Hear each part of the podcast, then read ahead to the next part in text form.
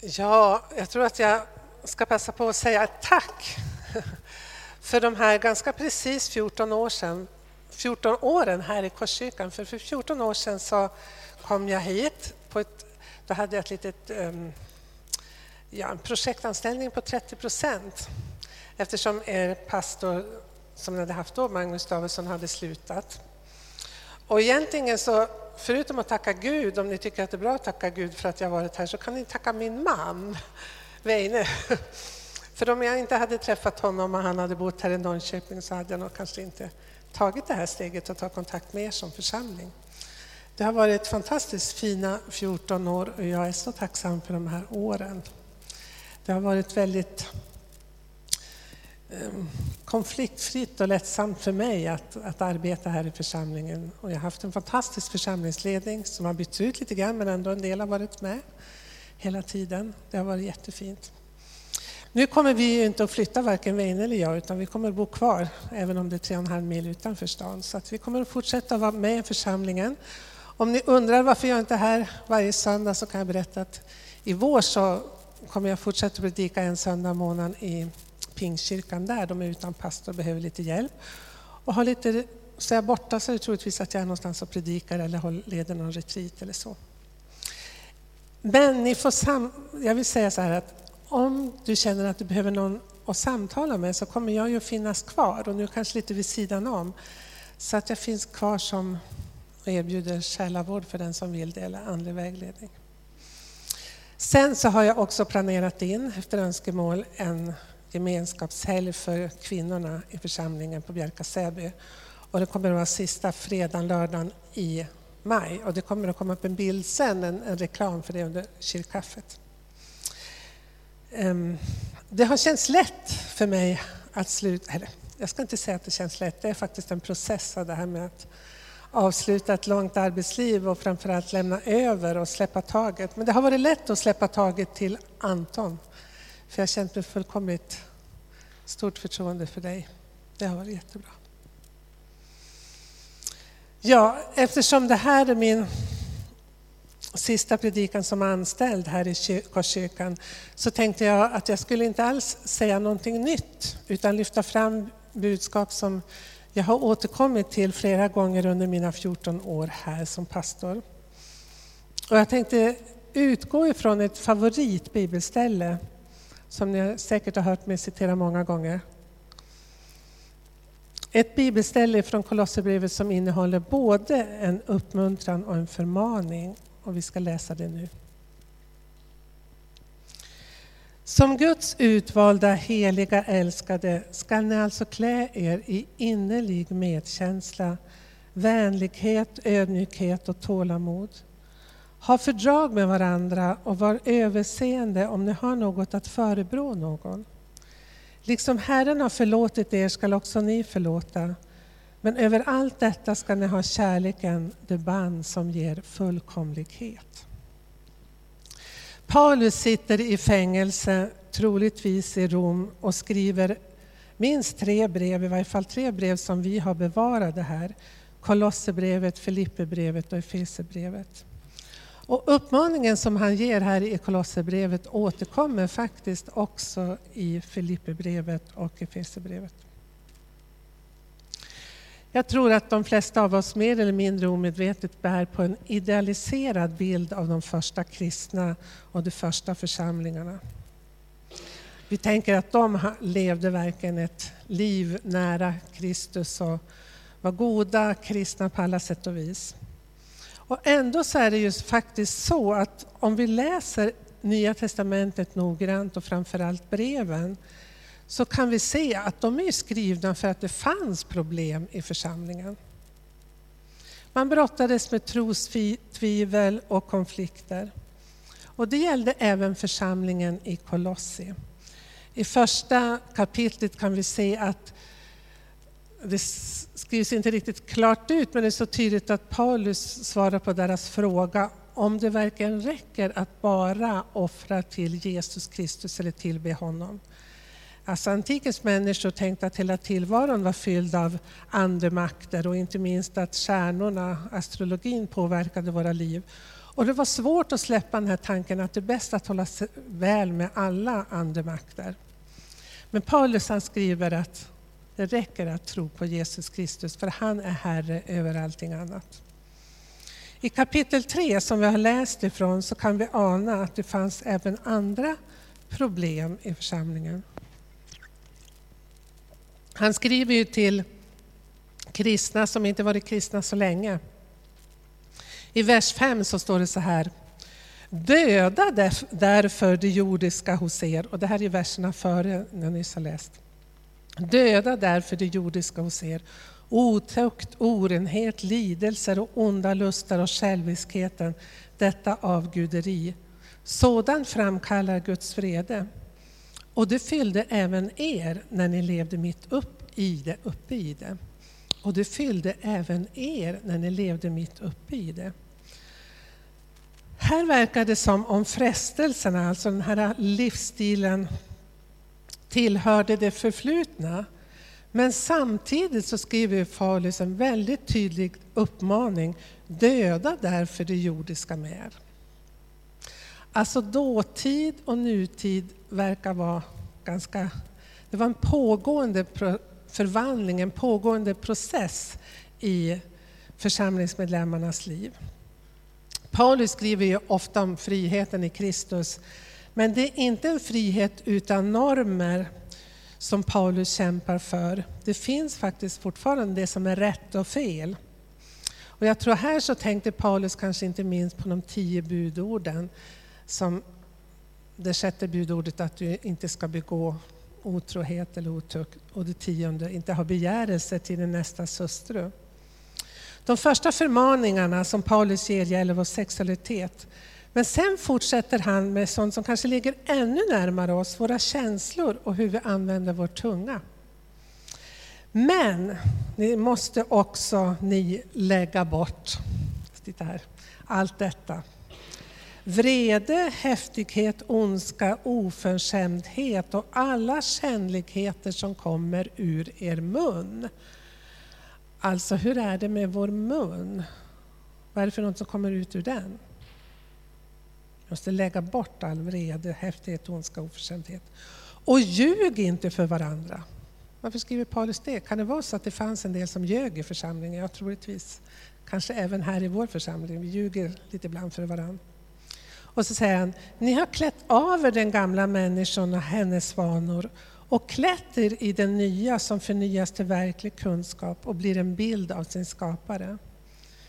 Paulus uppmanar alltså de första läsarna att lägga bort vreden, oförskämdheten och det negativa som kommer ut ur vår mun. Men samtidigt så skriver han att de har ju redan iklätt, klätt av sig den gamla människan och klätt på sig den nya som förnyas till verklig kunskap och blir en bild av sin skapare. Ganska intressant hur Paulus använder här det här att klä av sig det som är negativt och klä på sig Kristi egenskaper. Men det är uppenbart att Paulus menar att avklädandet av den gamla människan är något som pågår.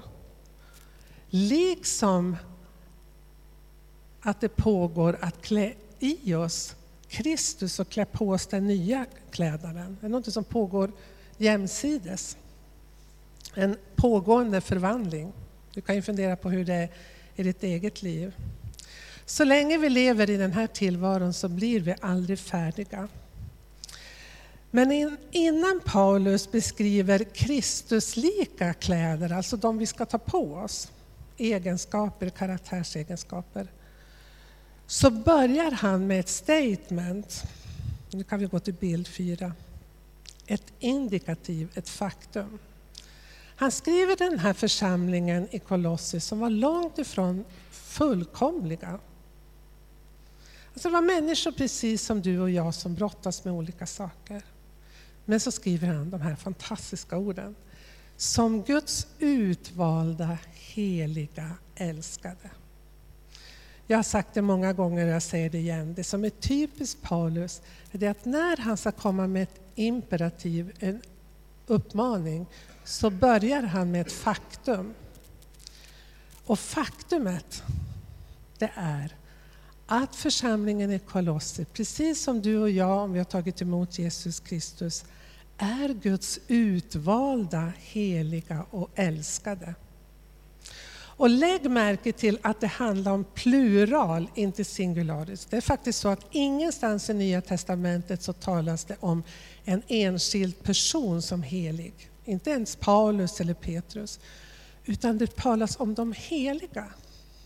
Så att vi tillhör de heliga om vi har tagit emot Jesus Kristus. Och det är fint att utmaningen först börjar med att vi redan är Guds älskade. I början av gudstjänsten sjöng Anders Peter Hallströms sång som jag hade önskat. Ett under är det, Herre kär, att vi åter får mötas i allt det där som livet är, i brustna hjärtans samklang.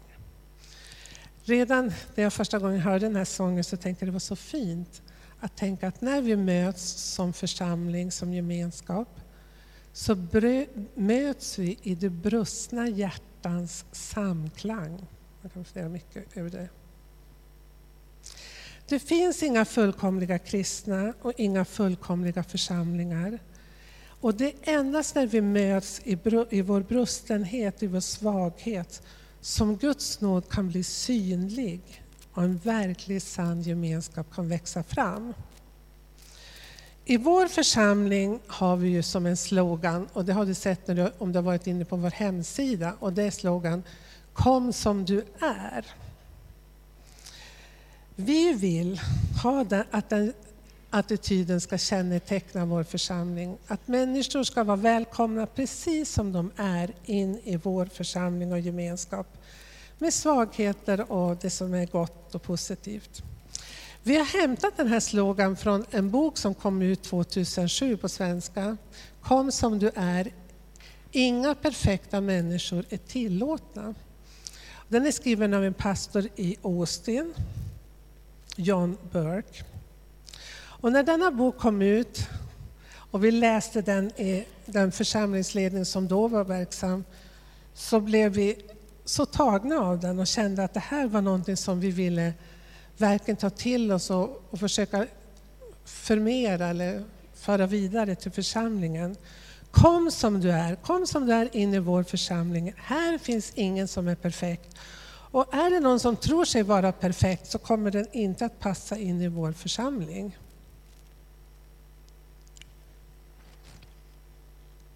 Ni kan ju fundera på det. I början av gudstjänsten så läste, fick vi höra ifrån andra Korinthierbrevet, det fjärde kapitlet. Där det står att Guds ljus har lyst upp våra hjärtan genom tron på Jesus Kristus. Men att detta ljus och denna tron bär vi i ett lerkärl. Vi är bräckliga lerkärl som människor. Och det är sprickorna i våra liv som Guds kraft blir synlig för vanliga människor. Precis som Paulus skriver, för att den väldiga kraften ska vara Guds och inte komma från mig. Det här är ett fantastiskt bibelställe. Att Paulus liknar dig och mig vid spruckna lerkärl. Han talar oss också om oss som Guds tempel i vilken den helige Ande bor. Men hur blir kraften, Guds kraft synlig i våra liv? Jo, inte när vi försöker hålla upp fasaderna och alltid visa oss som perfekta och goda människor. Utan det är när vi vågar vara oss själva. När vi inte försöker dölja våra sår, våra tvivel och våra frestelser. Tänk om den här sanningen verkligen kunde landa i våra hjärtan. Jag vet inte hur det är med dig, men jag tror att vi har svårt att ta till den helt och hållet.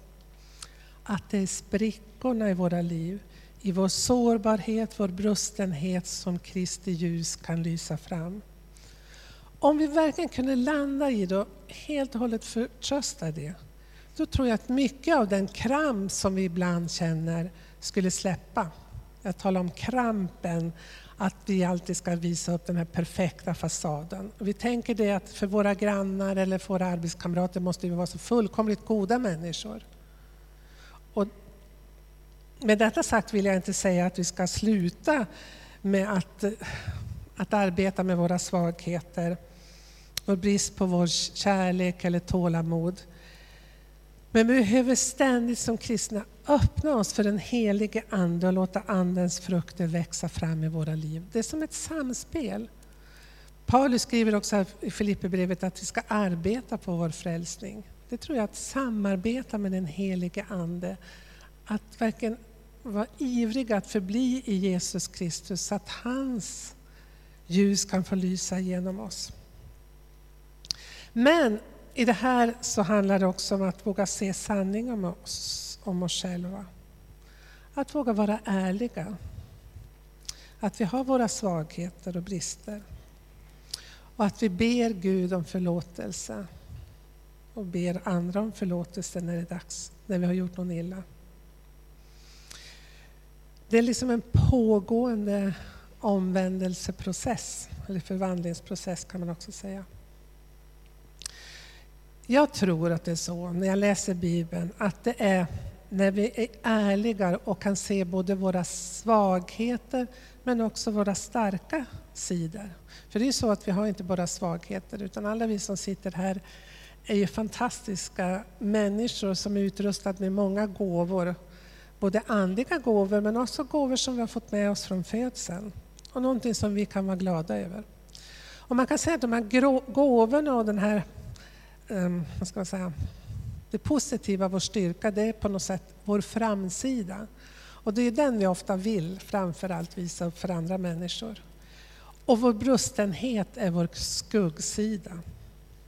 Den som finns under vår ytan i våra liv.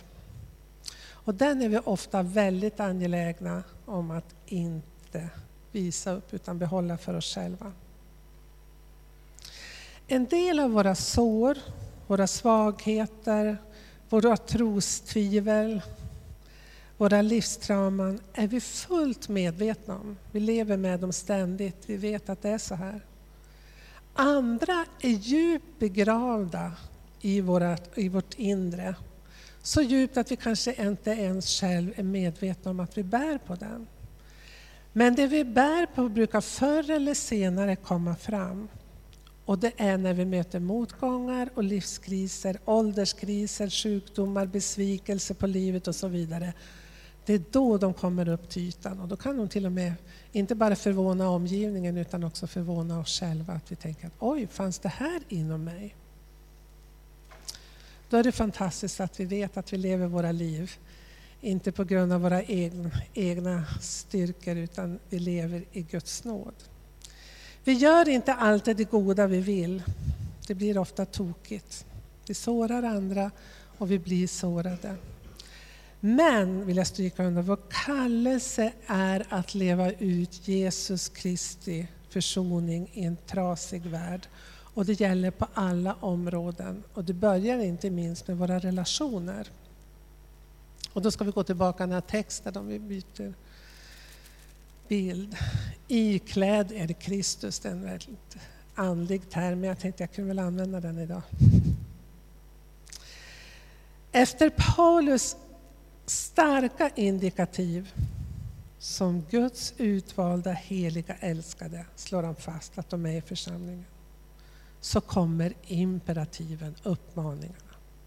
Och så säger han, ni har ju, han har ju redan pratat om att ni har lagt av er de gamla kläderna. Men som Guds utvalda, heliga, älskade skall ni alltså klä er i, och de här tycker jag är så fantastiskt fina ord, innerlig medkänsla, vänlighet, ödmjukhet, mildhet och tålamod. Ha fördrag med varandra och var överseende om ni har något att förebrå någon. Liksom Herren har förlåtit er skall också ni förlåta. Men över allt detta ska ni ha kärleken, det band som ger fullkomlighet. Om jag skulle gå tillbaka till den här boken, Kom som du är, inga perfekta människor är tillåtna. Men de har en fortsättning på den meningen och det där. Kom som du är, men stanna inte där. Välkommen in i den kristna gemenskapen när du inser att du behöver nåd och förlåtelse och upprättelse. Men också om du har en vilja att låta dig förvandlas genom gemenskapen med Kristus till allt större och större Kristuslikhet. Och de här karaktärsegenskaperna som Paulus målar upp är ju verkligen någonting som vi ska kunna sätta likhetstecken. Så var, så är Jesus. Klä er i innerlig medkänsla. Visst är det vackert? Tänk om vi kunde, att det kunde känneteckna oss alla. Vad kan Paulus mena? Jag tror att innerlig medkänsla handlar om att vi är beredda att sätta oss in i andra människors livssituation. Om någon behandlar oss illa, ibland brukar jag tänka när man går på en affär och affärsbiträdet är väldigt snäsigt eller på posten så tänker jag ja, men det är egentligen inte mig hon är arg på utan troligtvis kanske hon har bråkat med sin man eller vad det är för någonting i bakgrunden som gör. Att man kan försöka tänka sig in, vad beror det på att den här personen beter sig lite kantigt? Och det kan ju vara mellan oss i församlingen också. Utan att framhålla mig själv så brukar, måste jag berätta att min man kallar mig för den stora försvarsadvokaten. När han kommer hem ibland och klagar på en del personer så börjar jag genast säga att ja, men du förstår det är så här att ja, men han kanske är sjuk eller han har fått något annat jobb. Det har varit, inte minst när det gäller hantverkaren, ni vet. kan man behöva ha stor medkänsla med dem. Min man är alltid inte så glad för att jag tar dem i försvar. Han tycker att nu börjar du den stora försvarsadvokaten igen. Men jag lärde mig för många år, när jag, det var när jag var pastor i Umeå, det får vi gå tillbaka till 86, 87. Jag vet inte hur jag kom på det. Ibland hade vi konflikter i församlingsledningen, väldigt häftiga. Vi diskuterade med varandra jätteordentligt. Och när jag kom hem då brukade jag tänka så här, jag satte mig och tänkte, men vad berodde det på att jag blev så upprörd över den här frågan? Och vad kan det bero på att den andra blev så upprörd? Jag försökte sätta mig in i den andras tänkesätt. Och det hjälpte mig. Dels att få tag på mina egna svagheter men också den andras. Och ha lite överseende. Jag tror vi behöver öva oss i det. Är det det är någon som har sagt att man ska inte döma någon förrän att man har gått i dens skor eller mockasiner. Jag vet inte om det är ett ordspråk som kommer från indianerna. Innerlig medkänsla. Och är det någon som vi kan tänka på som verkligen har visat innerlig medkänsla så var det väl Jesus själv när han gick här på jorden. När han böjde sig ner till de spetälska och helade dem, eller de blinda, de sjuka, de utstötta. Det går vidare att ikläda oss vänlighet. Eller också kan, det här ordet kan också översättas med godhet som det finns i vissa översättningar. Ordet i den grekiska grundtexten är krestotes. krestotes. Och det förstår ni, ett väldigt ord som är väldigt lik Kristos på grekiska. Och för de, flesta, för de första kristna blev då det här ordet godhet synonymt med Kristus. I Kristus har Guds godhet blivit synligt. Att vara god är att vara Kristus lik, är att vara Guds lik. Så fortsätter den att ta på sig ödmjukhet. Och den ödmjukhet han syftar på, det är det samma ödmjukhet som han skriver om i Filipperbrevet, som han skriver i samtidigt att låt det sinnelag råda hos er som också fanns hos Kristus Jesus. Han som ägde Guds gestalt men var beredd att avkläda sig allt för att bli en människa som vi och som var ödmjuk, ödmjuk in till döden. Och så kommer ordet mildhet. Vi ska kläda, vi kläda oss mildhet. Det är verkligen motsatsen till vrede och hårdhet och en dömande attityd som han skrev om tidigare. I Matteus 11.28 säger Jesus, kom till mig alla ni som är tyngda av bördor och ta på er mitt ok och lär av mig, vad ska jag säga sen? Lär av mig som har ett milt och ödmjukt hjärta. Det är vackert, ett milt och ödmjukt hjärta. Tålamod, ja, det är en av Andens frukter. En del av oss har mer tålamod än andra. Och det beror på vilket sätt sammanhang vi handlar, hamnar i. Vi kan ha tålamod på vissa områden och andra områden inte alls. Jag har kommit på en sak som jag absolut inte skulle kunna vara och det är reseledare. För att reseledaren ger en information och så märker man på de andra resedeltagarna att ja, många av dem har inte hört vad hon har sagt för efter en stund så säger du, hur var det med det där? Eller också kommer de för sent till bussen och så och jag skulle bli så irriterad. Jag erkänner det. Så det är inte min grej. Men i varje fall, om Gud står det. Paulus skriver i Romarbrevet 2 och 4 och det är också sådana älsklingsord. Den han precis innan han sagt döm inte. Och så säger han, bry er inte om Guds oändliga godhet, fördragsamhet och tålamod. Guds oändliga tålamod, med godhet. Gud oändlig godhet, fördragsamhet och tålamod. Och då kommer vi till de här orden, ha fördrag med varandra och var överseende om ni har något att förebrå någon. Alltså det är lätt att ha fördragsamhet med människor som är otroligt milda och goda och ödmjuka och som aldrig i stort sett gör något fel. Det finns ju de också, även här i vår församling. Eh, men det är mycket svårare att ha överseende med de som beter sig som vi tycker, men hur kan de göra så? Men det är det som är utmaningen, att be Gud om hjälp att ha överseende med någon, om vi har något att förebrå någon. Och då kommer det självklart över till, liksom Herren har förlåtit er skall också ni förlåta. Då kommer vi till själva centrum i den kristna tron. Jesus Kristus har dött och uppstått för att du och jag ska kunna få förlåtelse för det som vi har gjort fel. De skulder som vi bär på. Och han vill hjälpa oss att förlåta dem som står i skuld till oss, precis som vi ber i bönen Fader vår. Förlåt oss våra skulder, liksom du har förlåtit oss. Liksom, förlåt oss våra skulder, liksom vi förlåter dem som står i skuld till oss. Att förlåta handlar inte om att säga att det gjorde ingenting det du gjorde mot mig. Att förlåta är att kunna komma och säga till någon som har kränkt oss, det du sa, det du gjorde, gjorde mig väldigt ledsen. Men jag vill förlåta dig. I själavården möter man ju ofta människor som brottas med kanske konflikter eller sin relationer till föräldrar. Det kan vara föräldrar som redan har flyttat hem till Herren för länge sedan. Eller föräldrar som är så gamla. Så att det, det liksom är helt meningslöst. Liksom. Men det finns ingen att gå till och be, säga att jag förlåter dig eller be om förlåtelse och reda ut. Då får man ta det med Gud. Så att jag vill förlåta den här. Jag vill förlåta min mamma, jag vill förlåta min pappa. Jag vill förlåta den och den och den personen. Fast den, den aldrig kanske kommer och ber oss om förlåtelse.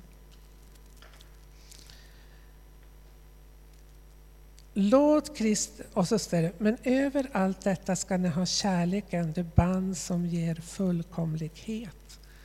Kan vi tänka oss att vi kan klä, ikläda oss kärleken som en mantel? I Efesierbrevet står det så här. Var goda mot varandra, visa medkänsla och förlåt varandra liksom Gud har förlåtit er i Kristus. Ta alltså Gud till föredöme som hans älskade barn. Här igen, vi är Guds älskade barn och som hans älskade barn ska vi ta honom till föredöme. Nu ska jag sluta. Nu ska jag vilja att vi avslutar den predikan med en liten stilla stund. Och du får gärna blunda, stilla dig. Och så vill jag att du ska tänka på att ta in det här. Jag tillhör ditt folk ditt utvalda, heliga, älskade folk. Det gäller oss var och en.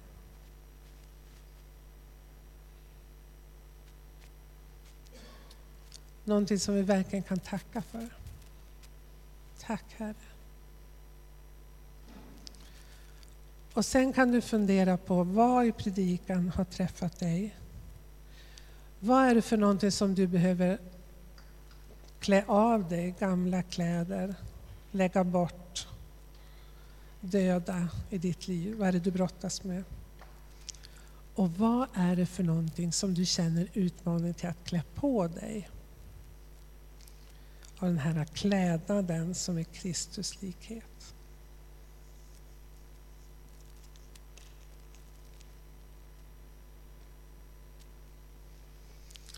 Herre, jag ber att du ska tala till våra hjärtan. Du som har ett milt och ödmjukt hjärta. Dra oss närmare dig. Gör oss mer lika dig. Jag ber om det i Jesu namn. Amen.